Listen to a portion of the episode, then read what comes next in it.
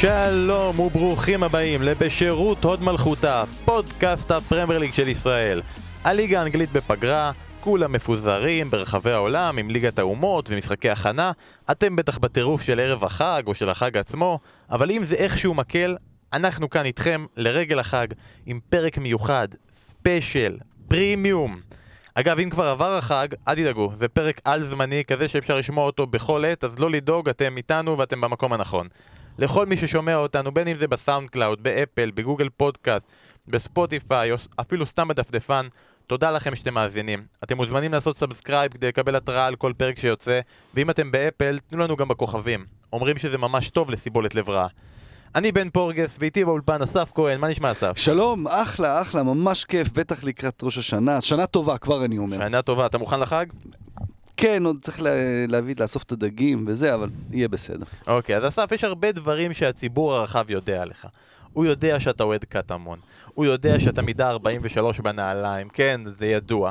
אבל משהו שאף אחד לא יודע, שאיכשהו שמרנו בסוד במשך כל השנים האלה, זה שאתה חובב כדורגל הולנדי. זה לא ידעו. לא ידעו. הבנתי. אז בוא תספר רגע לקהל המאזינים שגילה את זה לראשונה בפעם הראשונה, מה הקשר שלך לכדורגל ההולנדי? קודם כל זה המוצא ההולנדי עם אה, סבא שהוא מהמאה ה-18, המשפחה מגיעה מהולנד, מזוטפן במזרח הולנד, גדלתי שם אה, בגיל צעיר עד גיל תשע, אחרי זה בגיל בוגר, מבוגר יותר, גם חייתי שם מ-2002 עד 2010, שיחקתי שם בקבוצת חובבים מאוד מאוד נחמדה, סן לואי, אחרי זה עברתי לטוס אקטיף, לא משנה, חובב הכדורגל ההולנדי מאז ומתמיד, עם פוסטרים של ון בסטן, של ברקאמפ, של יארי ליטמנן, אני מודה, לא הולנדי, אבל באמת אולי השחקן האהוב עליי יותר מכולם. בטוח יש לו אזרחות הולנדית. הוא לגמרי אזרח של כבוד, ובכלל אהבה לכדורגל, לכדורגל, בעיקר לכדורגל הולנדי, וכן, סוג של, של, אני קצת עכבר כדורגל הולנדי, אפשר לקרוא לזה ככה. אז בעקבות אהבתך לכדורגל ההולנדי ולרגל ראש השנה, אנחנו עם ספיישל מיוחד מצד עשרת ההולנדים הכי גדולים ששיחקו בפרמייר ליג. כן, יש מצב שהמקום הראשון ידוע כמו כל מצעד גדולים ב-NBA, אבל מבטיחים לכם שאנחנו נהנה מהדרך, ויש לנו גם בנוסף כמה סיפורים נחמדים, וקשר ישראלי, רשימת מאכזבים, ואפילו חידה. אנחנו נתחיל רגע עם החידה. החידה שלנו בפרק הזה היא מאוד פשוטה. מי השחקן ההולנדי עם הכי הרבה הופעות בפרמייר ליג? אתם יכולים עכשיו לנסות לחשוב על זה, אתם יכולים לעצור עכשיו את האוטו בצד ולהתחיל לחפש בגוגל. אתם יכולים גם פשוט לחכות, כי מבטיחים לכם שעוד ככה 40 דקות אנחנו נחשוף את החידה, את התשובה.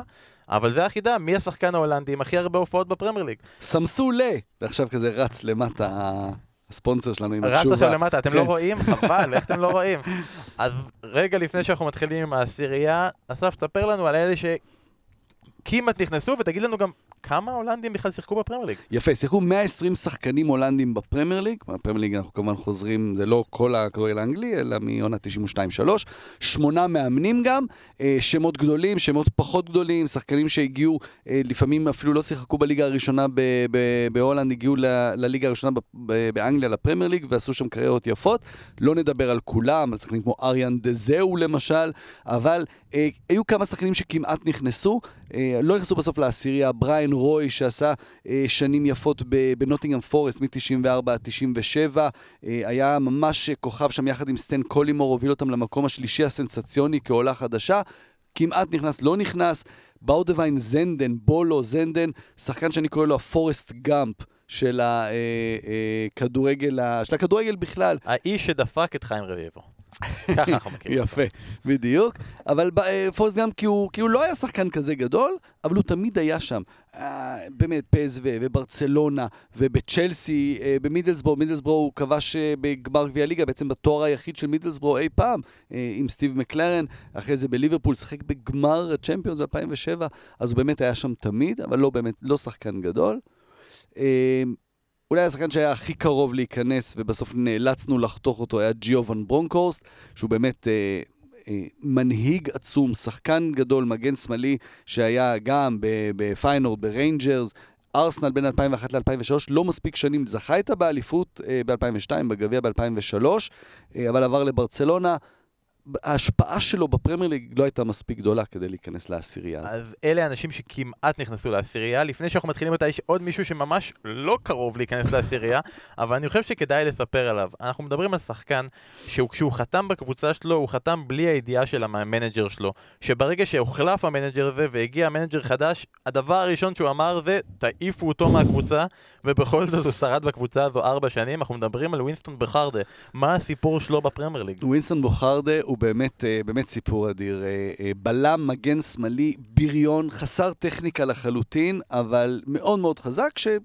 פרץ תחת, אה, הוא, הוא לא גדל באייקס, אבל פרץ תחת לואי ואן חאל באייקס, זכה איתה בליגת האלופות.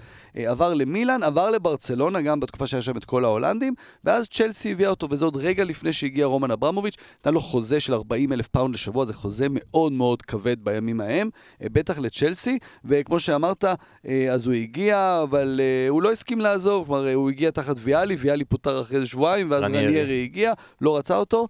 ואמרו לו לעזוב, ניסו לשדך אותו לקבוצות שלא הסכימו לשלם לו את השכר האדיר הזה, וצ'לסי לא הסכימה להשלים, והוא אמר, אין בעיה, אני לא עוזב. אני, מגיע לי את הסכום הזה, ה-40 אלף פאונד לשבוע לארבע שנים, והוא פשוט הגיע, והוא לא עשה שום בעיה, ובכל פעם, בכל אימון, כל אימון הוא הגיע, ישב ביציע, נסע לסופי שבוע או ללילות באמסטרדם, חזר, היו סיפורים אדירים, שהיה חוזר, יושב ביציע, מחכה ארבע שנים. כמה משחקים הוא שיחק בתקופה הזו? בין סוף שנת 2000 עד סוף חוזה שלו ב-2004, הוא רשם משחק אחד בהרכב.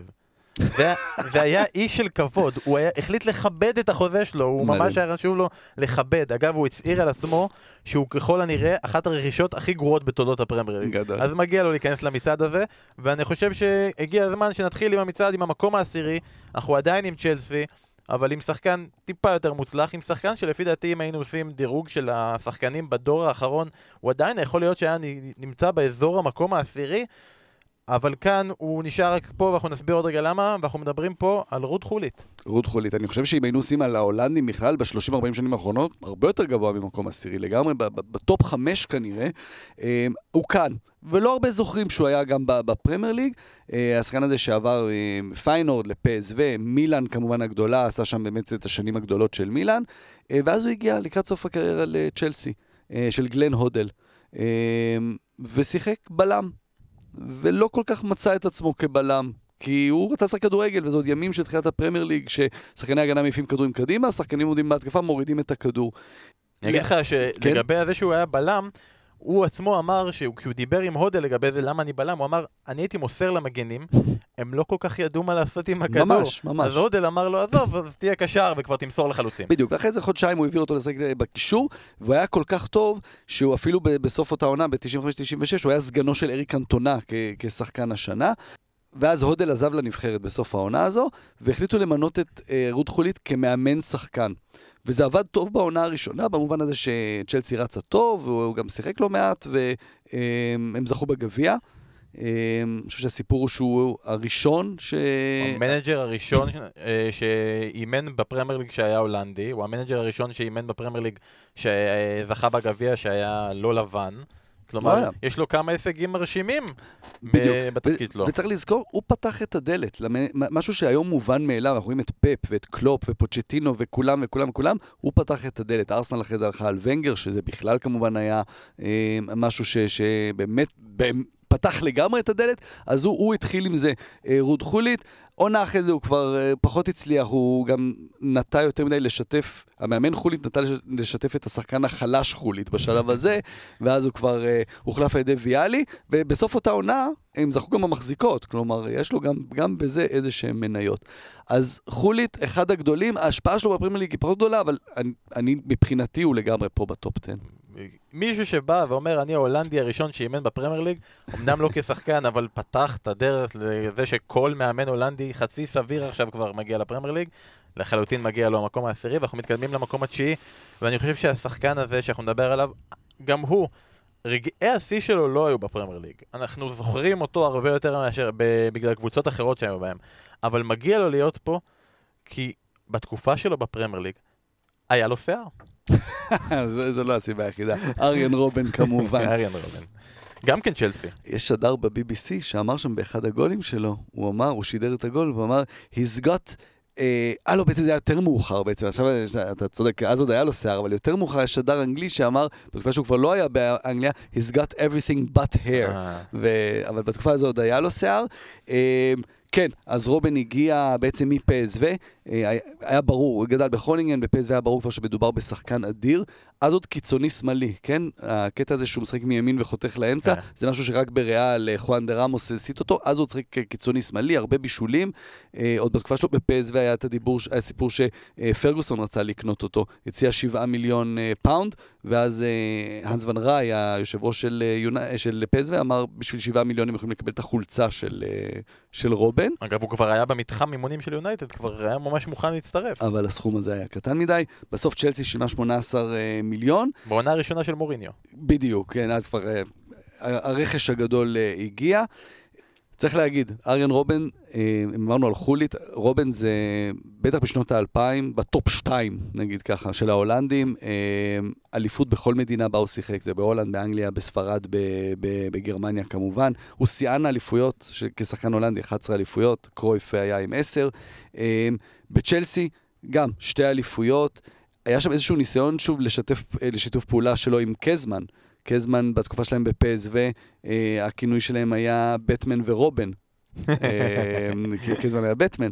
אה, זה פחות הצליח בגלל קזמן, אבל רובן היה נהדר גם, בצ'לסי, עד שהוא עבר לריאל. אני חושב שהוא יותר זכור, ברור, בריאל וביירן מינכן, אני חושב שמה שגם קצת פגם בו בתקופה שלו בצ'לסי, הוא פשוט, כמו רוברט, הוא נפצע הרבה. כן. הוא פספס שם הרבה משחקים, גם היה תקופה שהוא נפצע להמון זמן, ואז הוא חזר ממש לשני משחקים אחרונים בעונה. חצי גמר ליגת האלופות הוא עלה מחליף והחטיא שם פנדל נגד ליברפול והם הפסידו את הדוג רב. אחר כך הוא עלה בגמר גביע נגד אה, יונייטד כמחליף, הוא הספיק להיות מוחלף בעצמו. כלומר, זה לא הסתיים ממש טוב עבורו, אבל עדיין שחקן עם 67... אבל זכו, ניצחו בגמר ההוא. כן, ניצחו בגמר ההוא, כן. 67 הופעות בפרמייר ליג, 15 שערים, שישה- אה, 16 בישולים, עשה עשה את חותם, כאילו שני אליפויות, כן, אליפויות. כן, כן. גם, גם באנגליה, בקריירה הקצרה שלו שם, רגע לפני שהוא הפך לבאמת השחקן הגדול שהוא היה, כבר שם היה ברור שמדובר בשחקן מיוחד, והייתה לו השפעה גם בצ'לסי. אז המקום התשיעי שלנו הוא אריאן רובן, ועכשיו אנחנו עוצרים רגע עם שחקנים מצ'לסי, ואנחנו עוברים לשחקנים ממקום אחר בלונדון. השחקן הבא, אני אגיד לך, היה את התקופה הזאתי, שאתה יודע, בשנות ה-90, הפרמייר בכל זאת הייתה מזוהה עם ערוץ אחר, שאנחנו לא עובדים בו, ואנחנו לא נגיד את שמו, אבל עם, הייתה מזוהה עם אבי מלר, ועם החידודי לשון המפורסמים שלו. כל, תמיד היה את לעשות אבי מלר, ולגבי השחקן הזה היה את הדבר שתמיד היה חקוק לי בראש, שגם אחר כך זה. אה, הוצא מהקשרו, של ה... שהוא בעט, השחקן הזה בעט מעל השער, ואז אבי מלר בא ואומר, מרק אוברמרס, בועט. החוצה. אז המקום השמיני שלנו הוא מרק אוברמרס, שהגיע מאייקס. כל, כולם הגיעו כאילו מאייקס או מאיינדובן בסוף, חוץ מכמה נדירים, הגיע מאייקס ב-1997, היה שלוש עונות בארסנל, קיצוני סופה, עוד אחד. כן, הקיצוני סופה, אבל באמת, מי שהיה קיצוני סופה כמו שפעם קיצוניים היו. קטן, זריז, מהיר, שעובד בשביל אחרים. הוא מעט מאוד גולים, גם כשהיה מגיע למצבים בדרך כלל מחמיץ, היו לו כמה גולים משמעותיים, אבל בעיקר עובד בשביל אחרים. אה, חלק מהשינוי המשמעותי, אנחנו נדבר על השינוי המשמעותי שארסנל עברה עם, עם שחקן אחר קצת יותר גדול, אה, שאוברמרס חלק מה... כבר אין מה לעשות, החלק, מה- העניין של אוברמרס באנגליה הוא, הוא גם לצידו ומול אה, דניס ברקאמפ. עכשיו, אם דניס ברקאמפ היה non-flying Dutchman, אז אה, אוברמרס הוא ה flying Dutchman. בכל מקרה, אוברמרס אה, אה, כבש באמת בגמר גביע מול, אה, מול אה, ניו קאסל, אז שהם השלימו דאבל, הוא כבש שער ניצחון מול יונייטד אה, באותה עונת אליפות. אה, לקח לו זמן להתרגל, אבל בחצי השני שני של העונה הוא היה מאוד מאוד משמעותי. היה חלק מהתארים של, של ארסנל היו איתו, עד שהוא עבר לברצלונה והמשיך את, ה, את הקריירה שלו. כשהוא עבר לברצלונה הוא הפך להיות באותו זמן, לתקופה קצרה, ההולנדי הכי יקר. נכון. נכון, נכון. ואוברמרס הוא, הוא מעבר ל... ל באמת שהוא היה שחקן נהדר, הוא איש עסקים ברמה מאוד מאוד גבוהה. אחד, ה, אחד מעשירי הולנד, באמת עשיר מאוד, יש לו חברת נדל"ן, והוא סוחר במכוניות עת- עתיקות, והיום כמובן הוא האיש החזק באייקס. אז בזה אני רוצה כן? באמת לצאת טיפה מהפרמייר ליג. ב-2017 היו דיווחים שהוא הולך לשמש מנהל מקצועי בארסנל, זה לא קרה עדיין. ספר לנו קצת את ה... כי בכל זאת הוא השחקן, הוא השחקן, הוא האיש עסקים הכי חזק באייקס, והוא מזיז את כולם מהדרך. בדיוק, הוא לא, בדיוק, זה, זה לא רק שהוא אה, אה, האיש החזק מקצועית, הוא באמת גם רואים שכפוליטיקאי הוא מאוד מאוד חזק. אה, היו שם כרגיל בכדורגל ההולנדי, אה, ריבים ו- ומאבקי כוח, ועם ונדר סאר, המנכ"ל, או ברכקאמפ, שהיה רשמית כעוזר מאמן, אבל בפועל היה מבחינה מקצועית אחד האנשים החזקים, את כולם הוא מצליח לדחוק איכשהו החוצה או הצידה, או ונדר סאר עדיין שם, אבל ברגקאמפ ווים יונק ואחרים, והוא שם והוא מחזק את מעמדו. הקיץ הזה גם אייקס עשתה רכש אדיר אה, שהוא עשה בעצם, ו- וכרגע יש לו קצת שקט. אנחנו רואים בפרמייר ליג לא מעט קבוצות שהולכות לכיוון הזה של להוציא את, ה, את הכוח של הרכש מהידיים של המנג'ר ולשים מעליו מישהו. Mm-hmm. הרבה קבוצות עושות את זה. גם ארסנל עשתה את זה, אבל לא, לא, עם, לא עם אוברמרס, עדיין. אז לפני עשור, בסקר אוהדי ארסנל הוא נבחר לשחקן ה-12 הכי אהוב בארסנל בכל הזמנים. אצלנו, מבחינת ההולנדים, הוא במקום השמיני. בפרמייר ליג היה לנו את חוליט, והיה לנו את רובן, והיה לנו את אוברמרס, אני חושב על השמות האלה, אני אומר לעצמי, מי יהיה קדימה, אבל יש שמות עוד גדולים יותר. אנחנו רגע עוצרים את המצעד בשביל להזכיר לכם עוד פעם את החידה שלנו. מי השחקן ההולנדי עם הכי הרבה הופעות בפרמייר ליג? אסף, לפי דעתך אנחנו צריכים לתת להם איזה רמז? תן רמז. יאללה, אנחנו ניתן לכם רמז קטן. כי זה באמת לא השחקן הראשון שאתם חושבים עליו. לא, זה לא השחקן הכי גדול או הכי קטן, סתם. זה השחקן שאתם חשבתם עליו, אתם יודעים את זה ואתם תגלו את זה. הרמז הקטן שלנו, הוא שיחק עם ליגיונר ישראלי באנגליה. ואמור לעזור לכם. זה הרמז שלנו, ואם אנחנו מדברים על ליגיונרים ישראלים באנגליה, בואו נדבר קצת על הקשר הישראלי, בואו נדבר על ההולנדים שקשורים לישראל וללב שלנו. מי הם? זה נורא נחמד, כי זה לא שחקנים ישראלים דווקא, אמ, אבל אמ, יש לנו אמ, ג'ון דה וולף, אני בטוח שהשם הזה מעלה חיוך אצל לא מעט אנשים. אז ג'ון דה וולף לא שחק בפרמייר ליג, הוא שחק בליגה השנייה, זה נקרא First Division, בוולפס.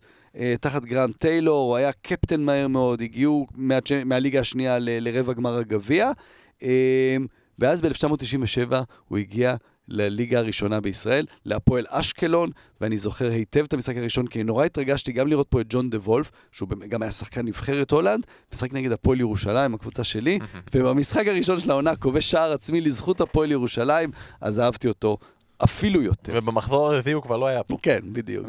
ומאז תוכניות ריאליטי... כוכב על, הוא כוכב גדול בטלוויזיה, בטלוויזיה ההולנדית, לרקוד עם כוכבים, Fighting with Stars, כל מיני כאלה, ומביאים אותו גם כפרשן להמון אה, מקומות, הוא גם מאמן קבוצות מילואים, הוא כוכב, הוא באמת כוכב. אני לא יודע אם אתם זוכרים איך הוא נראה, אבל גדול כזה עם שיער ארוך וזקן ודמות, באמת. זה מישהו של...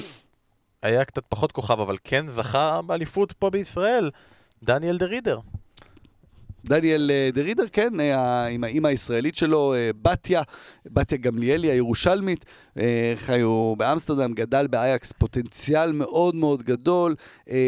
סטיב ברוס הביא אותו לאנגליה, לברמינגהם, אחרי זה לקח אותו גם איתו לוויגן, לא באמת הצליח בפרמייר ליג, אבל אז כשאני קופץ רגע לישראל, יודעים, אנחנו מדברים על איזה שחקנים כבר מביאים שינוי בינואר. אז הנה, דניאל דרידר, דרידר זה שחקן שהביא שינוי, היה חלק משמעותי בדאבל של הפועל תל אביב.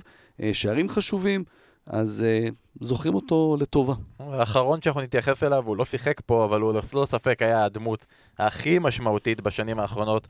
ואנחנו מדברים כמובן על uh, ג'ורדי קרויף.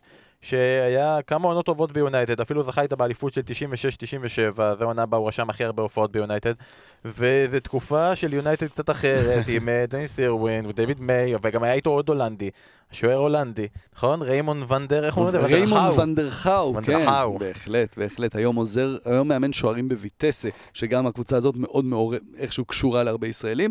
אה, ג'ורדי, כן, בעיקר בעונה הראשונה שיחק, אחרי זה נפצע ובעיקר, והרבה פציעות, אבל ג'ורדי יש לו עוד שיא שקשור איכשהו ל, אה, לאנגליה, וזה באמת היה שותף למשחק, אחד המשחקים הגדולים בהיסטוריה, גמר גביע וופא, כשהוא שחק כבר באלווס, מול אה, ליברפול, הבקיע את ה-4-4, בסוף ליברפול ניצחה 5-4, אה, אז זה הקשר, והקשר לישראל הוא כמובן ברור וידוע. אז זה הקשר הישראלי שלנו, ואנחנו ממשיכים הלאה למקום השביעי. המקום השביעי שלנו הוא שחקן שהיה תמיד אי של משחקים גדולים. יש לו בקריירה חמישה שערים נגד אברטון, ארבעה נגד ארסנל, ארבעה נגד יונייטד, שלושה נגד צ'לסי, כבש גם שלושה במשחק הפרישה שלו, שהיה גם זכייה באליפות, אבל זה כבר היה מחוץ לפרמייר ליג.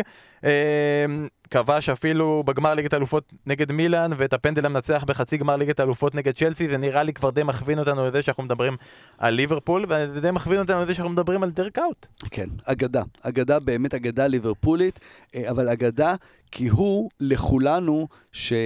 אולי החלום שלנו היה להיות כדורגלנים מקצוענים ולא, ו- ולא הגשמנו את זה, אה, ואנחנו מאוד אוהבים כדורגל, אז דיר קאוט הוא באמת הדוגמה הכי טובה למישהו שלא היה לו כישרון יוצא דופן, שחקן מצוין, אבל באמת עם עבודה קשה, הוא תמיד היה שם. רצו אותו, לואי ונחל יצר אותו כמגן שמאלי, הוא שחק מגן שמאלי. רצו אותו בכנף, שחק כנף. רצו אותו חלוץ, שחק חלוץ. בכל מקום הוא היה, ובכל מקום הוא היה סמל, ובכל מקום הוא היה אחד השחקנים הכי אהובים, גם בליברפול.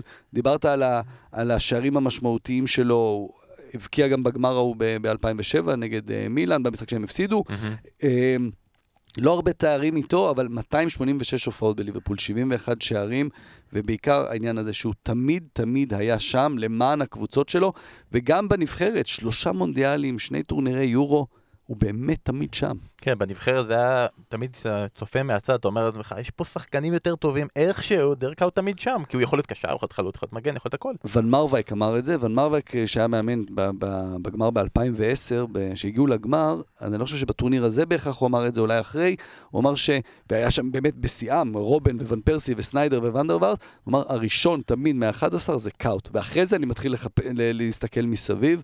ו- ואני חושב שבהרבה קבוצות שלו, הוא לא עוסק בהמון קבוצות, אבל באוטרכט, פיינורד, ליברפול, פנרבחצ'ה, ואחרי זה עוד פעם בפיינורד, זה תמיד היה ככה. קודם כל קאוט, אחרי זה השאר. אתה יודע, אחרי שהוא עזב את ליברפול, הוא אמר שגם כשהוא שיחק עם, עם, אה, עם uh, קבוצות אחרות, עם פיינורד, נגד יונייטד, והיו קוראים לו Scouser מנוול, זה היה כמו מוזיקה לאוזניו. כן. אז דירק קאוט ללא ספק הוא סמל של ליברפול והוא במקום השביעי שלנו ואנחנו ממשיכים הלאה למקום השישי מישהו שהוא לא בדיוק סמל של הקבוצה שלו אבל פתאום נהיה היום דווקא עכשיו זה מאוד רלוונטי, קשר ישראלי, כן. האחיין שלו בהפועל באר שבע, ג'ימי פלויד האסלבנק, השחקן לפי דעתי, מתוך הרשימה הזאת עם הבעיטה הכי חזקה מכל השחקנים. כן, כן, הוא באמת אה, אגדה, ג'ימי פלויד אסלבנק. ג'רל אסלבנק זה השם, כן? השם שלו זה ג'רל אסלבנק, אה, והוא שחק בכלל ב... הוא התחיל אה, חלק מגנג בהולנד, הוא בכלל שיחק בקבוצות ליגה שנייה באלקמר, בטלסטאר, ושוחרר, כי בקבוצה אחרת שהוא שיחק הוא שוחרר אחרי שהוא אה, נתפס גונב שעון לשחקן אה, מהקבוצה. זרקו אותו מכל מיני קבוצות. בכל אופן, הגיע לפורטוגל, ואז לא, בקבוצה שהוא הגיע אליה, קשה לי לבטא את השם שלה, קמפור מיירנצה. לא פורטו. לא פורטו, בדיוק, הוא הגיע לשם, והמאמן שם לא רצה לה... להגיד, אה, אה, מי הס... לגלות מי השחקן שמגיע למבחנים, אז הוא אמר מגיע ג'ימי. ומאז נשאר לו השם ג'ימי, זה הסיפור של, של מאחורי השם ג'ימי, כי מה זה נשאר. בכל אופן, אה, עשה כמה שנים בפורטוגל, הגיע ללידס, בסך הכל בשני מיליון, אה, ואז מהחצי השני של העונה הוא, הוא היה נהדר. אה, סיים אה, את העונה השנייה שלו שם עם 18 שערים, מלך השערים בליגה עם, אה, עם אוהן ודווייט יורק. אתלטיקו קנו אותו, חזר, לס... הלך לשחק בספרד. סיים שם סגן מלך השערים, הגיעו לגמר גביע, אבל ירדו ליגה. בגלל שהם ירדו ליגה, בעצם הוא יכול היה להשתחרר בזול, ואז צ'לסי קנו אותו. שיא העברות של צ'לסי אז. ושם הוא באמת לא הפסיק להבקיע, היה מלך השערים עם 23 שערים, והעונה אחרי זה הגיע גודי יונסן, וביחד הם היו צמד חלוצים, תמיד אנחנו יכולים לדבר על צמדי חלוצים באנגליה, אז גודיונסן והסלבנק היו, היו נהדרים, ובסך הכל 23 שערים 20, בשתי העונות הראשונות, אחרי זה קצת פחות. אבל זה לא נגמר רק בצ'לסי. הוא עבר לשחק גם במידלסבורו, בצ'רלטון, קרדיף זה כבר היה ב- בליגה השנייה. סך הכל בפרמייר ליג 288 משחקים, 129 שערים, אבל שחקן שהבקיע כל כך הרבה בלידס, בצ'לסי, בבורו הגיע איתה לגמר גביע וופא שהם הפסידו אז לסביליה. גם הוא אגדה. תראי, כשמדברים באמת על כמות השערים צריך להבין רגע את המספר, כי זה קצת לא נתפס. ג'ימי פלויד אסלבנק הוא מקום, במקום ה-13 ברשימת הכובשים בפרמייר ליג בכל הזמנים. הוא מקום שני בין ההולנדים, אחרי מישהו שעוד אה, נגיע אליו. יותר גולים מדרוגבה, יותר גולים מדווייט יורק, יותר גולים מניקולס אנלקה, אפילו יותר גולים מפיטר קראוץ'. כלומר זה שחקן שהיה פעמיים מלך שערי הליגה. פעם אחת הוא היה יחד עם אוהן ויורק ב-98-99, פעם אחת הוא 2000-2001, שחקן ממוצע שערים של 0.45 למשחק לאורך כזו קריירה.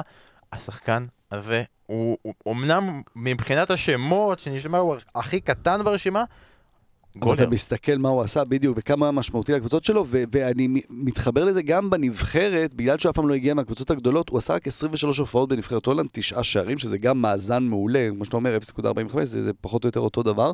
אבל גם בדור, שהיו לפניו את וניסטלרוי ואת פטריק קלייברט ואת רוי מקאי, ואפילו פייר ון הויידונק העדיפו לפניו, ופתאום החלוץ הזה, שהיום בהולנד אף אחד בכלל לא, לא חושב להוציא חלוץ כזה מהרכב, הוא היה חלוץ חמישי-שישי בהיררכיה. אבל אה, ההשפעה שלו בפרמייר ליג הייתה באמת ענקית. וסיבה שהוא ממש זכור בצ'לסי לאו דווקא בגלל הקריירה, אלא דווקא בגלל שכשהוא הגיע לצ'רלטון, השער הראשון שהוא הבקיע בצ'רלטון היה בסטמפורד ברידג' נגד צ'לסי, והוא לא חגג את השער. יכול להיות שהוא זה שהמציא את המנהג הנוראי הזה? מעניין, מעניין מאוד. בוא נוריד אותו למקום השמיני על זה? באמת, באמת דבר נורא. די, תסמכו, תכבד את האוהדים שלך עכשיו, תכבד גם את האוהדים שלך מהקבוצה הקודמת שיודעים שאתה שמח שהבקעת גול. לגמרי. מקום שישי, ג'ימי פלויד אסלבנק, אנחנו מתקדמים קדימה למקום החמישי. היינו עם מלא שחקני התקפה. או חלוצים, או שחקנים שאומנם לרגע היו בלמים, אבל בתכלס היו צריכים להיות קשרים.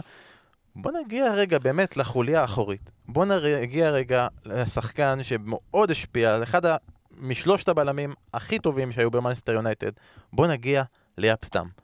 אני חושב שאחד הדברים שאפשר להגיד על יאפ סטאם, זה שהיה לו שיר אוהדים מדהים. אתה זוכר אותו? כן, ייפ ייפ יאפ סטאם, לא? מה, כן. אני אעשה את זה רגע, בתרגום כן, כן. חופשי. ייפ יאפ סטאם, הוא הולנדי גדול. ייפ יאפ סטאם, תנסה לעבור אותו אם אתה fucking יכול. תנסה לעשות עליו טריק והוא יגרום לך להיראות כמו בליפ. ייפ ייפ, יאפ סטאם. גדול. אדיר. איזה שחקן הוא היה. יאפ סטאם באמת היה אדיר, והוא בסך הכל שלוש שנים במנצ'סטר יונייטד, אבל שנים מלאות בתארים שבאמת יונייטד החזקה והדומיננטית. הוא סיפור אדיר יאפ סטאם, כי הוא עד גיל 20 שיחק בכלל בקבוצת חובבים, אף אחד לא, לא באמת קלט את, ה, את, ה, את הגדולה שלו. רק בגיל 24 הוא הגיע לפז, והוא הסתובב לפני זה בזבולה וקמבור. אה, אחרי שנתיים כבר פרגוסון הביא אותו ליונייטד. אה, שער אחד הוא הבקיע, אה, ב-6-2 על לסטר, אבל 128 הופעות, באמת הסלע בהגנה, ואז פרסם את הביוגרפיה שלו. כל מיני האשמות ל... לעבר אה, פרגוסון, שידוע כאיש שלא סלחן, ומכר אותו אה, ללאציו, אז המשיך את הקריירה שלו באיטליה, בסוף חזר להולנד, חזר דווקא לאייקס. הוא אגב טוען שזה לא בגלל הספר, הוא אמר כמה פעמים ש... אמנם הספר, כולם טענו שזה הסיבה, אבל הוא אמר שביונייטד אמרו לו שהם היו צריכים לאזן את ספרי החשבונות. כלומר ספר, אבל ספר אחר, ספרי הכסף, והיו חייבים לשחרר אותו, אבל לא דווקא הרבה שנים אחרי זה, לא, כי פרגוסון בעצמו אמר שהוא מצטער שאם יש דבר אחד שהוא עשה לא טוב, ופרגוסון עשה כל מיני דברים, הוא, אמר, הוא מצטער על זה שהוא מכר את יאפ סטאם, הוא אמר, בגיל 29 קיבלנו הצעה של מעל 20 מיליון פאונד על בלם, באותו רגע זה היה נראה הדבר הנכון, יכול להיות שיש גם את העניין הכלכלי הזה, אני לא יודע, אמ, אבל זה לא בלם שאתה כל כך מהר ממלא את החסר. אני חושב שבתקופת פרגוסון, אם אתה צריך להגיד את השלושה בלמים הכי גדולים שהיו, זה הוא, וידיץ' ופרדיננד.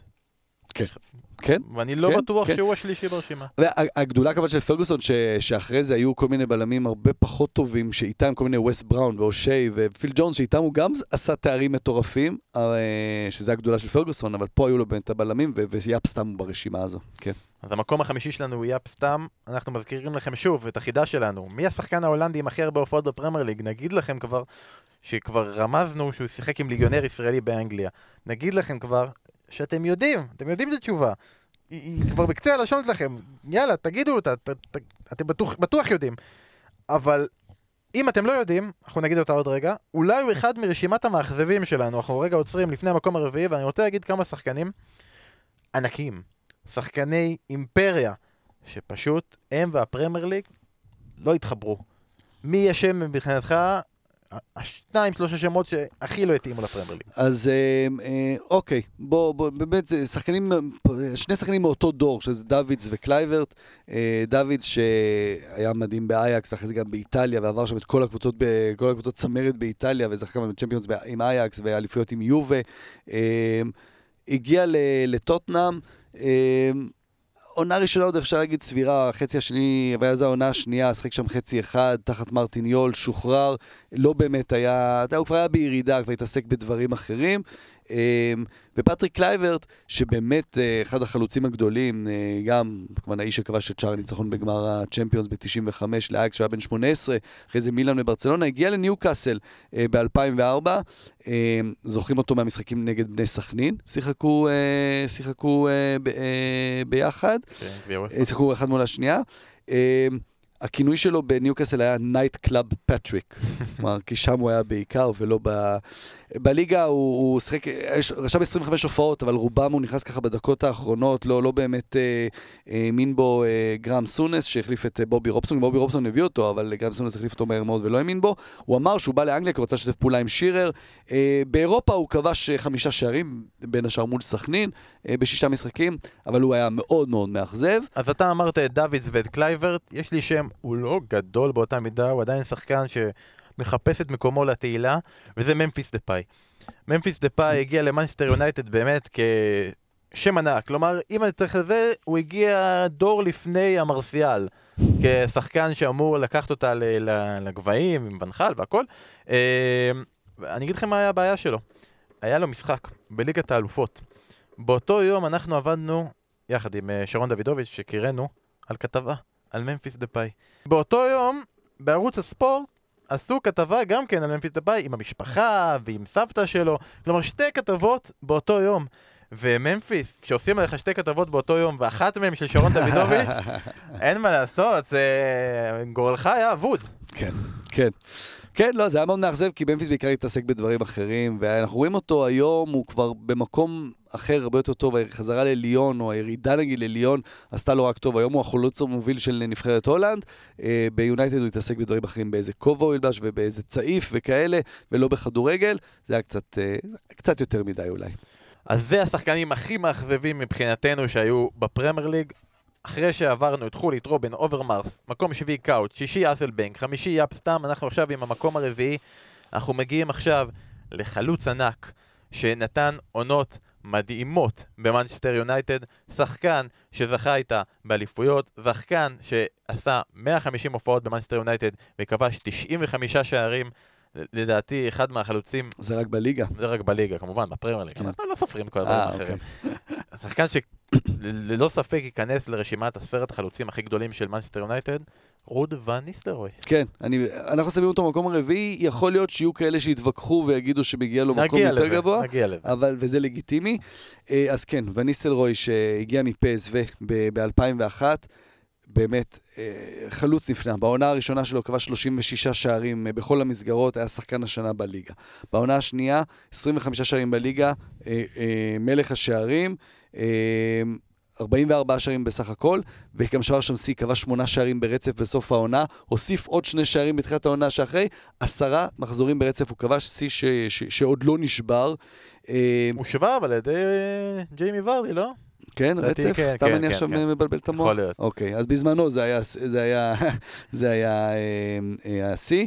זה היה ידוע, שרות וניסטר עומד בתוך הרחבה ודוחק פנימה, וכאילו מזלזלים במישהו שעושה את זה ולא עושה דברים אחרים. אז כן, היה לו גם גולים אדירים, היה לו איזה גול נגד פולאם, שהוא לקח כדור ועבר את uh, חצי פולאם וכבש, אבל גם לדעת uh, לעמוד ברחבה ו- ו- ולדחוק פנימה, כשאתה מגיע ל... Uh, אתה אמרת את המספר בפרמייר ליג, אבל 150 שערים בסך הכל ביונייטד, אז אתה הרבה יותר גדול מזה. Uh, היה לו גם משפט נפלא, שהוא אמר, גולים הם כמו קטשופ, כשמתחיל לצאת זה לא מפסיק. זה הקטשופ תחשוב עכשיו על הבקבוקי זכוכית, שתמיד לוקח זמן עד שהקטשופ יוצא. הוא אה, מלך שערי יונייטד באירופה, 38 שערים. וואלה. שבר שיא של דניס לאו עם 28, 28 שערים. אה, באמת, אה, שיאים אה, ושערים ו- ולא הפסיק לכבוש. גם היה סמל יונייטד, הוא היה בריב, היה את ה-Battle of Old Trafford, בריב הזה גדול עם, אה, עם אה, ארסנל, משחק עם ארסנל. הוא החמיץ שם פנדל ב-0-0, הוא בזה שסחט את האדום של ויירה. יש שם תמונה, אחת התמונות המפורסמות של מרטין קיון קופץ מעל, מעל ון ניסטלרוי, זה, זה יופי של, אה, של תמונה. אה, אבל גם הוא, כמו שדיברנו קודם על יאפ סתם, רב עם פרגוסון ב-2006. אה, הוא, פרגוסון נתן בגמר גביע הליגה מול ויגן, הוא נתן ללואי סאה לשחק לצידו של רוני, ואפילו לא הכניס את וניסלרוי, ווניסלרוי העז וקרא לו קאנט לפרגי. ואתה יודע, ברגע שזה קרה, הוא החליט למכור אותו, ואתה יודע, אצל פרגוסון אין, סליחה. וניסלרוי אחרי שנים התנצל. ואישרו את ההדורים. אז באמת, וניסלרוי, יש כל מיני שחקנים שרגעי השיא שלהם היו בפרמייר ליג, יש כאלה שרגעי השיא היו... אמנם אצל וניסלרוי זה לא רגע יפה, אבל היה לו ריאל מדריד, היה לו תקופה מאוד יפה, כמה שנים כן. טובות, והוא עוד דוגמה לאנשים ש... הולנדים שיכלו להיות יותר למעלה, אבל uh, פרגי הרס. כן, אה? לא, באמת עשה, עשה קריירה גדולה ביונייטד. אני רוצה לספר על הכינוי שלו, זה לא קשור ליונייטד, היו לו הרבה כינויים, Van the Man וכאלה. הכינוי האדיר שלו היה בפסו דווקא, שקראו לו double O eight, כי הוא היה מספר 8 ב... ב... בפסוו איינדהובן, כן. והיה לו 008, license to score, זה כמובן על ג'יימס uh, בונד. אז זה המקום הרביעי שלנו, רות וניסלרוי. עכשיו אנחנו נדבר על המקום השלישי, מי שהתחרה איתו, מי ש... אני אגיד את האמת, אה, בהכנות המוקדמות, עכשיו ניתן פה סוד מאחורי הקלעים, הם היו הפוכים. כן. ואני כבר הכנתי רנט של 4,000 אה, מילה, למה אתה טועה? ושרלטן שהפכת אותם, אבל פתאום סידרת את זה. בוא ניתן למאזינים אחר כך להחליט אם צדקת או לא. אני רוצה להגיד לפני שאנחנו מתחילים לגבי המקום השלישי, סיפור אישי קטן על. הייתי באולימפיאדת לונדון, והיה יום פנוי, והלכנו לאיצטדיון של ארסנל, למוזיאון שם, והצטלמנו עם אחר... כל אחד בחדר הלבשה, תלויים כל. כל החולצות, והצטלמתי דווקא עם חולצה אחת, איזה יופי, אני מתאם עם החולצה. כמה ימים אחר כך כבר התפרסמו ברשתות סרטונים של אוהדי ארסנל שורפים את החולצה של אותו שחקן. נראה לי שזה אחד השחקנים היחידים שהוציאו תגובה כזאת מאוהדי, אוהדים אנגלים, הם, בכל זאת כן. הם די רגועים, תגובה כזאת של שריפת חולצה, שחקן שעבר מארסנל ליונייטד, אבל שחקן שבאמת נתן מעל ומעבר בשתי הקבוצות האלה, עם הישגים מרשימים. מקום השלישי שלנו, רובין ון פרסי. שרפו חולצות כי גם בארסנל ידעה לאבד שחקנים ליריבות הגדולות שלה, ופה, אבל פה, ון פרסי שנה לפני זה קיבל את סרט הקפטן. הוא באמת היה האיש של ארסנל. צריך לזכור שוונגר, שבאמת בתקופה שעוד נחשב לגאון ושיודע למצוא את השחקנים, הלך לפיינורד, מצא שם את הילד הבעייתי, וסימן אותו שהוא יביא אותו. בשנה הראשונה הוא לא ישחק הרבה, אבל הוא ילמד מדניס ברקאם, והוא יהפוך להיות המחליף שלו. כשאני גרתי בתקופה הזו בהולנד, שהוא עלה לבוגרים ב-2002, ושחקתי בקבוצה שסיפרתי קודם, סן לואי, ומי ששחק, אני שחקתי בקישור מצד ימין, ובקישור מצד שמאל שחק בועז בנאי, הזמר הנפלא, אה, חבר קרוב. ובחוז? ון פרסי. לא, זהו, לא ון פרסי, אבל זו הייתה תקופה, בין 2002-2003, ואתה היום יותר מאוחר בערב, יש את משחק הפרישה של וסלי סניידר, אבל זו העונה שעלו לבוגרים של אייקס, של פיינורד, עלו, באייקס עלו אה, ונדרווארט וסניידר, בפיינורד עלה ון פרסי. ואנחנו גרנו באמסטרדם, וכולם באמסטרדם דיברו על סניידר ועל ונדרווארט כמה שהם גדולים, ובועז בנאי אז אמר, לא, לא, לא, לא. ון פרסי זה הכוכב האמיתי, הוא שחקן עם הטאץ' שלו, עם רגל שמאל, והוא צדק, כי באמת ון פרסי גדל להיות, בשנים מסוימות, אה, ב-2010 זה היה סניידר, אבל אה, בגדול אם אתה מסתכל על כל הקריירה, יכול להיות שוון פרסי היה יותר גדול משני האחרים. הוא רב בפיינורד עם פייר ון הויידונק, שהיה הכוכב הגדול, הזיז אותו הצידה ובבעיטה חופשית. בכל מקרה, הגיע לארסנל 2004 עד 2012, אחרי העזיבה של טיירי אנרי, הפך לחלוץ תשע, לפני זה הוא שחק גם כקיצוני שמאלי, כמו ששחק בפיינורד, שחק גם בעשר, כמו ברקאמפ, שחק באמת בכל כך הרבה אה, אה, עמדות. בעונה האחרונה שלו בארסנל, רגע לפני שהוא באמת עזב, 30 שערים. מדהים, זה מדהים. כאילו... זה מספרים ש... עם מספר 10 על הגב, הוא לקח את זה כאות הוקרה לדניס ברקאמפ, שלפני זה כמה שנים לא שיחקו עם המספר 10, והוא לקח, לקח את, הסיפ... את המספר הזה. אה, כן, ש... המון המון שערים, כחלוץ של ארסנל, אתה יודע, שהשכיח קצת את, אה, או לא השכיח, אבל אתה יודע, נכנס לנעליים של, של הנרי ושל איין רייט לפני זה, אה, ואז לא האריך את החוזה, ואז כמו שאתה מספר, ראית את זה מקרוב, פתאום הגיע מנצ'סטר יונייטד, והוא הלך למנצ'סטר יונייטד כדי לזכות איתם באליפות, דברים שהוא, משהו שהוא לא הצליח לעשות עם, אה, עם ארסנל, רק גביע עם ארסנל, 24 אה, מיליון פאונד שילמה יונייטד, ושם הוא הגיע ליונייטד. ולקח את המספר 20, כי זה היה לקראת האליפות ה-20 של יונייטד, זה היה אמור להיות המספר 20, ובאמת הם לקחו את, זכו, זכו איתו באליפות ה-20. שנתיים רצוף מלך שערי הליגה. באמת השפעה אדירה על הליגה. חמש פעמים הוא זכה בשער החודש, כי זה באמת שחקן שלא רק שהבקיע המון שערים, גם יש לו המון שערים נורא יפים. אני דבר ראשון, אני דווקא חושב על נבחרת הולנד, על הגול עם הנגיחת דג מול ספרד, אבל גם באנגליה היו לו כל כך הרבה שערים נהדרים, אתה יודע, בעיטות מהאוויר, וולה, אתה יודע, מ-20-25 מטר. בלתי נגמר ממש. וכולם יודעים שרובן ממשיך לשחק עדיין, ומן הסתם בביירן מינכן, וכל השחקנים האחרים שדיברנו עליהם כבר פרשו. יש כאלה שלא יודעים, ון פרסי חי וקיים. מדהים, והוא מדהים. הוא משחק היום חלוץ בפיינורד, כי החלוץ הראשון שלהם פצוע, והוא מבקיע, יש לו עכשיו שלושה מחזורים רצוף שהוא הבקיע בכל משחק, והוא הקפטן של הקבוצה, הוא נכנס, הוא החליף בעצם את קאוט, שאחרי שקאוט פרש עם אליפות, אז החזירו את ון פרסי מטורקיה, שנה שעברה היה אחראי על הגביע שהם זכו בו, השנה מצפים לקחת אליפות, זה יהיה מאוד קשה, כי אייקס ופסוו יותר טובות, אבל הוא הקפטן, הוא המנהיג של הקבוצה הזו, ועושה את זה ממקום מאוד רגוע, הכל רגוע, הכל טוב, הכל שלב. אה, וון פרסי הוא בא גם מבית אה, ברמה מאוד גבוהה, אה, אבא שלו אומן, אמא שלו גם היא אומנית, הם הרבה תרבות מהבית, מאוד מעורב בקהילה, עושה דברים אדירים, באמת איש, איש נהדר. תסלם? אשתו מוסלמית, אז אני לא יודע בדיוק אם גם הוא התאסלם או זה, יש שם משהו, כן. אז המקום הרביעי שלנו הוא וניס לרוי. מקום שלישי, ון פרפי. אתם מוזמנים להגיד לנו אם אתם חושבים שהיה צריך לעשות הפוך. בכלליות אתם מוזמנים להגיב על הרשימה, זה בכל זאת רשימה שלנו, אסף עשה, אני מדי... אסף הכין את הרשימה, ואני מדי פעם באתי ואמר, נזכרתי לו כזה, אתה זוכר שהולנד לא הגיעו ליורו, נכון? אתה זוכר שהולנד לא הגיעו למונדיאל? הוא בסוף התעצבן ואמר, אני לא זוכר, אז הכנתי כזה טיימר. כל עשר דקות אני אזכיר לו את זה, אבל אתה זוכר שהם לא הגיעו ליורו, אולי הפעם. בדיוק, עכשיו יש סיכוי, ליגת האומות, יהיה בסדר. אז מוון ליסטרוי לוון פרסי אני רוצה לעבור לעוד ואן. לוון שמשיחות שלנו הגענו למסקנה שאם יש מישהו שאנחנו כרגע צופים שייכנס לתוך העשירייה הזאתי, זה הוא וירג'יל ון דייק. לפי דעתך, כמה זמן ייקח לו להיכנס לרשימה הזאת? לדעתי, לא הרבה. יכול להיות שבסוף העונה הזו כבר. ועד איזה מקום אתה רואה אותו מגיע? אז זהו, זו שאלה טובה. יכול להיות שכבר בסוף העונה הזו, אנחנו כבר רואים את ההבדל שהוא...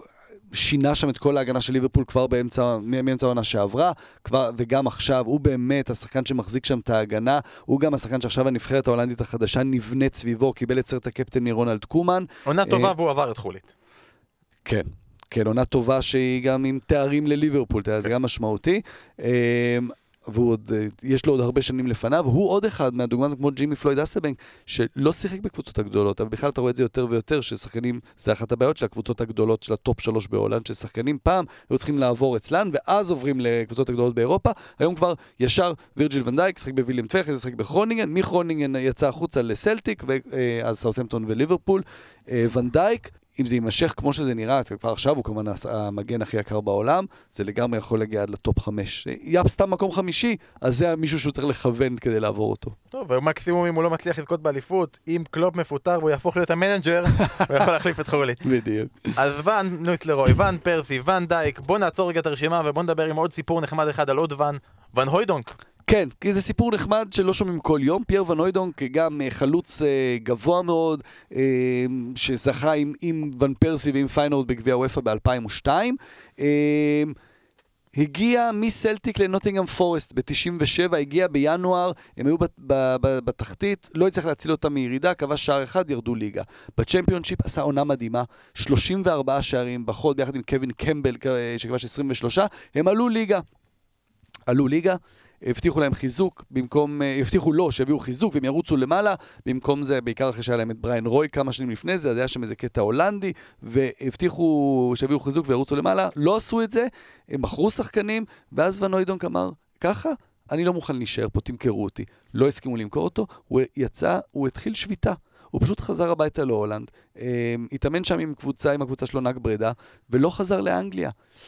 בסופו של דבר, בפורסט גם עשו שרירים, אמרו אנחנו לא משחררים אותך, אתה תהיה בבעיה. הקהל יצא נגדו, הוא החליט בנובמבר שאוקיי, עדיף לו לשחק, חזר לאנגליה, שיחק בפורסט, הקהל היה נגדו, השחקנים היו נגדו, הוא שיחק פה ושם, כבש שישה שערים באותה עונה, אה, יש שם וידאוים מדהימים שרואים אותו כובש, חוגג, ואף אחד מהשחקנים לא בא אליו, הולכים לחגוג עם מי שבישל, אה, עד שנגמרה העונה והוא ברח משם, ובאמת היה שחקן השנוא ביותר. ששנה לפני זה היה השחקן האהוב ביותר. בוכרדה לעומתו, חסיד אומות עולם. בדיוק. אז זה סיפורו של ון הוידונק. עכשיו אנחנו במקום השני שלנו, וזה לכל מי שעדיין מתלבט מי יהיה מקום שני, מי יהיה מקום ראשון, זה יהיה הרגע שבו, ברגע שאנחנו נחשוף את המקום השני, יהיה נורא ברור המקום הראשון. אז אני אתחיל לחשוף את זה כבר עכשיו. וניסטורי, ון פרסי, דיברנו על ונדייק, אתה החלטת פשוט לאחד את כל הוואנים ביחד. אז המקום השני שלנו הוא שחקן שיש לו ארבע אליפויות פרמייר ליג, שיש לו 313 הופעות פרמייר ליג, שהוא אולי זה הפתרון לחידה שלנו, 313 הופעות, מי השחקן ההולנדי עם הכי הרבה הופעות, נשמע די הרבה, 313, נראה לי, אני שם, אני שם עליו. 132 פעמים הוא שמר על שער נקי, הוא ספג 109 שערים, כלומר, הוא יותר פעמים שמר על שער נקי. מוציא כדורים ברשת, מדהים. שזה מדהים, באמת, כאילו האחוזי ניצחונות מול הפסדים שלו מדהימים, בעיקר בהתחשב בזה שהוא לא שיחק רק ביונייטד, הוא שיחק גם בפולאם.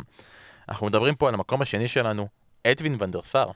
כן, כן, מקום שני, כי אה, זה קצת מפתיע לפעמים, אתה, אנחנו נוטים לבחור חלוצים ו- ו- או קשרים, אה, אבל ונדרסאר באמת עשה קריירה גדולה, והוא התחיל קריירה נהדרת באייקס, כמובן זכה איתה בליגת האלופות, ואז הגיע ליובנטוס, שנתיים לא כל כך טובות, הביאו לו על הראש את בופון, הוא רצה לעזוב, ומיובנטוס הגיע לפולאם, דברים שעכשיו נראים רגילים כן. בימינו, בגלל הכסף הגדול, אז זה לא היה רגיל, זה היה נראה כאילו הוא באמת ירד ו- ו- וייעלם בפולאם, עשה עונות יפות, אבל זה, לא, זה, זה עדיין פולאם, ואז אחרי ארבע שנים בפולאם, פרגוסון, שפשוט לא הצליח למצוא מחליף לפטר שמייקל, הלך, אמר, יאללה, אני מביא את ונדרסאר, ובעצם, בגיל מאוד מבוגר, הוא שוב הרים את הקריירה שלו, בגיל 35 הוא הגיע ליונייטד.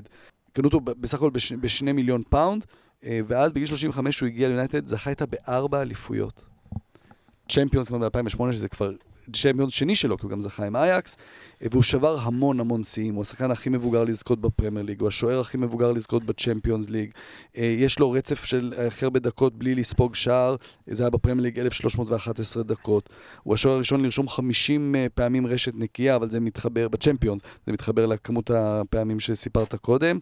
אני חושב שיותר מהכל, הסיבה שאנחנו מסיימים אותו במקום השני, זה כמו שאמרת, כמו שעד היום יונייטד נלחמת ולא מצליחה, יסלח לי מוריניו, למצוא את התחליף לאלכס פרגוסון, העובדה שהיא הצליחה למצוא את התחליף לפטר שמייקל, זה מה שכאילו מעלה אותו כל כך לגדולה, כי זה, זה הרגיש כאילו הם לא יצליחו, אי אפשר למצוא, ומעכשיו אנחנו נצטרך להסתפק בבינוניות. ונדר סאר לא היה בינוניות. ונדר כן. סאר יש מצב, יסלחו לי, אפילו התעלה על, אה, על הראשון. אני חושב, יש מצב, יש מצב, כי העובדה היא גם בנבחרת, אתה יודע, גם בנבחרת אחת, כולנו מנסים להסביר מה הבעיות של נבחרת הולנד והבעיות בכדורגל ההולנדי. בוא נגיד את זה, אין שוער ברמה של ונדרסאר, אין שם, כל זה, שוער, הרבה שוערים בינוניים שמשחקים בכל מיני קבוצות. מי השוער ונד... כרגע הראשון של אה, הולנד? סילסן, השוער המחליף של פפ ברצלונה, הוא השוער הראשון, בדיוק קומן אמר שהוא עכשיו השוער הראשון שלו. ו... אבל גם מאוד קלאסי, מאוד הולנדי, משחקו האחרון של ונדר סאר, משחק הפרישה שלו היה הפסד בגמר צ'מפיון, זה ברצלונה ב-2011, אז גם מאוד מאוד בסופו של דבר תחושה לוזרית כזאת. ונדר סאר, אחד הגדולים, אני בטוח שגם בהיסטוריה של מנצ'סטר יונייטד רואים אותו, רואים בו כזה. אז הוא המקום השני שלנו, ואסף, הוא הפתרון של החידה? הוא השחקן עם ההולנדים הכי הרבה הופעות בפרמייר ליג? לא. הוא לא השחקן עם הכי הרבה הופעות בפרמייר ליג, זה לא ונדרסאר, יש לו 313 הופעות. אז זה הזמן שבו עכשיו אתם יכולים להגיד לנו, מה התשובה? נכון! זה התשובה! אסף, תספר להם, כי כל מי שלא יודע וכבר מת לדעת, מי השחקן ההולנדי עם הכי הרבה הופעות בפרמייר ליג? מעניין אם יש מישהו שמע על ג'ורג' בואטנג? אני בטוח ששמעו על ג'ורג' בואטנג, ובטח אה, האנשים שאוהבים את הפרמייר ליג שמעו עליו וזוכרים אותו, אז ג'ורג' בואטנג הוא הולנדי. אמנם נולד בגאנה, אבל בגיל צעיר הגיע להולנד, שחק קצת בפיינורד. הוא לא אח של קווין פרינס וג'רום, למרות שתדעו שיש להם אח וקוראים לו ג'ורג'. נכון, אבל זה לא הוא. אה, הרבה שנים ב- באנגליה, בקובנטרי, אה, שם משחק עם האקרבי ודיון דבלין, אה, ואחרי זה באסטון וילה, בבורו, בהל, קשר אחורי אפור מאוד, 300. 83 הופעות. הופעות, 17 שערים, אבל זה כקשר אחורי, אבל צריך להבין כמה אתה צריך להיות שחקן גם פיזית מאוד מאוד חזק, וטוב בסופו של דבר, גם אם השם הוא קצת אפור ולא מכירים אותו, כדי להחזיק כל כך הרבה שנים בליגה הטובה בעולם. אז הפתרון לחידה שלנו, ג'ורג' בואטנג, 13 עונות בפרמייר ליג, 4 קבוצות שונות, קובנטרי, אסטון וילה, מידלספורל, 383 הופעות בפרמייר ליג, ואגב, אם טעיתם לגבי הרמז שנתנו, אז הוא שיחק עם אה, נג'ואן גרייב, באסטון וילה ב-99-2000. ג'ון גרגורי? כן. מאמן. זה, זה הפתרון החידה שלנו, והגיע הזמן, אני חושב שבאמת, הגיע הזמן. העם רוצה לדעת, האם ריימונד ון דר חאו הוא המקום הראשון שלנו? אני לא חושב שזה מפתיע שדניס ברקאמפ שם, ולא בגלל אה, אהבתי והערצתי אליו. זיקוקים, זיקוקים, זיקוקים. דניס ברקאמפ, או כמו שצעק ג'ק ון חלדר, השדר ההולנדי בשידור של הגול ברבע גמר אה, אה, 98, ואני ממליץ למי שעוד לא ראה את זה, תלכו לראות את הגול של ברקאמפ ברבע גמר, דקה, 90, ו- דקה 89, מול ארגנטינה ברבע גמר, את השידור של ג'ק ואן חלדר, שצועק שם, דניס ברקאמפ, דניס ברקאמפ, דניס ברקאמפ, דניס ברקאמפ, אה, אה, אה. זה השידור, זה באמת אה, שידור גול הכי גדול אי פעם. דניס ברקאמפ הוא שם כי הוא... אה, אחראי, ביחד עם ונגר, עם הנרי, לשינוי אופי של מועדון, שינוי DNA. אנחנו יודעים כמה זה קשה לש- לשנות DNA, זה משהו שהוא כמעט בלתי אפשרי. מהבורינג ארסנל, מ-1-0, הוא הפך את ארסנל לקבוצה המלהיבה, הסקסית הזאת של, של העשור הזה שבין נגיד 96 ל-2006. לא ונגר הביא אותו, הוא הגיע שנה לפני, ברוס ריוק בעצם הוא היה הרכש שלו. ואני רוצה רק להגיד לך כן. שהוא הוא לא היה אמור להגיע לארסנל, אתה יודע את זה? הוא היה אמור להגיע לטוטנאם. טוטנאם רצו אותו, הרי היה לו תקופה מאוד לא מוצלחת באינטר. הוא העריץ את גלן הודל כילד, היה לו פוסטרים, יש לו סיפור שהוא, מספר שהוא היה אה, תמונות של אה, גלן הודל בחדר. אבל כנראה בטוטנאם לא כזה הריצו אותו, כי אחרי שהציעו אותו, והוא כבר היה ידוע שהוא מת לעזוב את אינטר, ואינטר מתים שהוא יעזוב, הוא היה אמור להגיע לטוטנאם, אבל אז המנג'ר אמר, אני רוצה מישהו שהוא יותר חלוץ. אז הם הביאו את כריס ארמסטרונג מפאלאס. שהוא אמור, הוא יהיה במקום ה...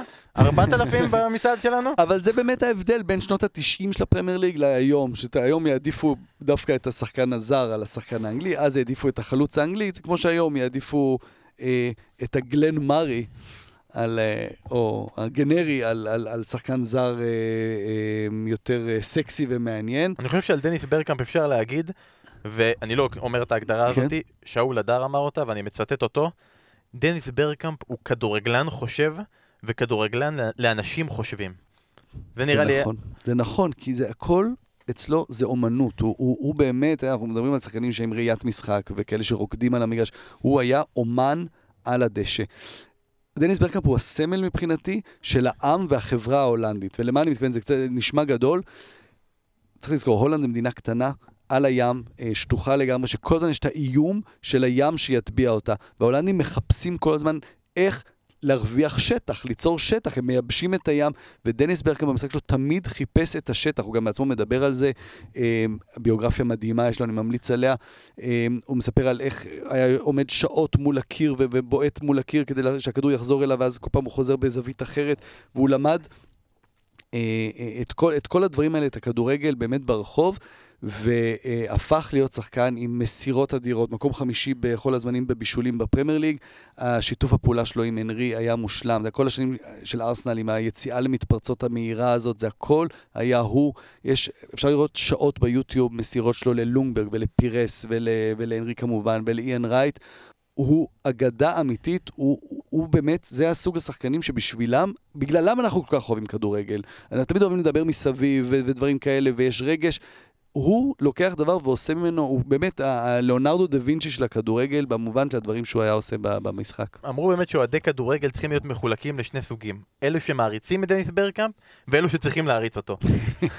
דניס. ברקאמפ, הוא אמר בביוגרפיה שלו, כל מסירה צריכה להיות עם מחשבה או מסר מאחוריה. וכמו שאמרת, הוא היה מקום חמישי ברשימת הבישולים בכל הזמנים, מלך מבשלי ארסנל, כלומר כל האחרים. או עברו בארסנל כמו פברגאס, או... אבל הוא היחידי שעשה את זה רק בארסנל, היה לו 315 הופעות בארסנל, 87 שערים, לא היה חלוץ, אבל כן כבש. 94 בישולים, זה מה שהביא אותו למקום החמישי. אה, יש לו צפי שעדיין לא נשב- הושווה, היה לו 4 בישולים מול לסטר במשחק אחד בפברואר 99. איין רייט הגדיר אותו כהחתמה הכי טובה של ארסנל בתולדותיה. וכש... יותר מהנרי. כן, מן הסתם, כשכל פעם עושים את הצ... מי השחקן הכי גדול שהיה בארסנל, מן הסתם ברקאמפ מתחרה מול הנרי, מה לגב דעתך בנושא? ברקאמפ או הנרי? אני, אבל אני לא, אני לא, לא אובייקטיבי, אני אומר ברכקמפ. אני אומר ברכקמפ. אבל תסביר למה. אה, חוץ מזה שהוא הביא שלוש אליפויות לארסנל. תראה, הנרי, אה, אה, אתה יודע, שניהם היו גדולים. ברכקמפ אני חושב שהוא יותר אמון על הקטע הזה של השינוי הגישה, של, ש, שזה לא רק ניצחונות, שזה גם...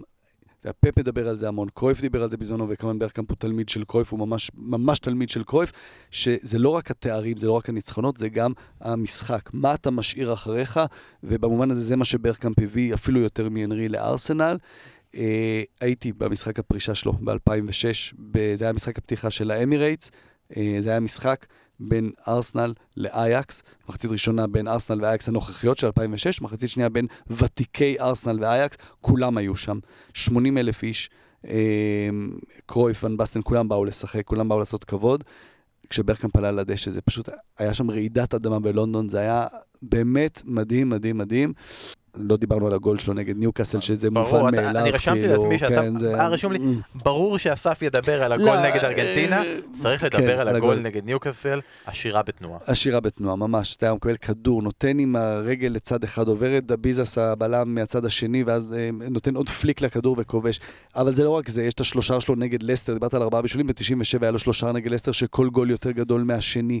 גולים גאוניים, באמת, שאתה, אתה, לפעמים אתה לא לגמרי מבין בפעם הראשונה מה הוא עשה. יש צייר הולנדי, אה, אשר, משנות ה-20 של המאה הקודמת, שהיה מצייר, אני לא יודע אם מכירים אותו, כדאי לכם להסתכל קצת על הציורים שלו, זה היה עושה כל מיני אה, ציורים כאלה שבמבט ראשון נראים לא הגיוניים, של מפל מים, שנראה שהמים עולים למעלה, או יד לוחצת יד והיד בעצם מציירת באותו זמן את היד. וברקאמפ הוא סוג של זה, שזה לרגע אתה אומר, רגע, זה לא הגיוני מה שהוא עושה, ואז כשאתה מסתכל לעומק אתה מבין, אה, בעצם זה כן הגיוני, הוא ידע כן יותר טוב מכולנו. מדהים. הוא באמת, אה, מדברים על, על שחקנים שקוראים כמה מהלכים קדימה, הוא קרא כמה מהלכים קדימה. והוא לגמרי בצדק, המקום הראשון שלנו, ההולנדי, הכי טוב, הכי גדול, ששחק בפרמייר ליג. וזה מסיים את המצעד שלנו, וזה מסיים גם את הפרק שלנו. אז כל מי שהיה איתנו, תודה רבה לך אסף, על באמת, כיף גדול, כאילו, כל פרק שלנו כיף גדול, זה היה כיף זה גדול הייתה במיוחד. הנאה, הנאה, הנאה צרופה. אז אנחנו רוצים להגיד לכם תודה רבה שהאזנתם, ולאחל לכולכם, לכל המאזינים ולכל בית ישראל, ראש השנה שמח, חג שמח, שנה טובה. חלוקך ניו יאר בהולנדית, והפי ניו ייר כמובן.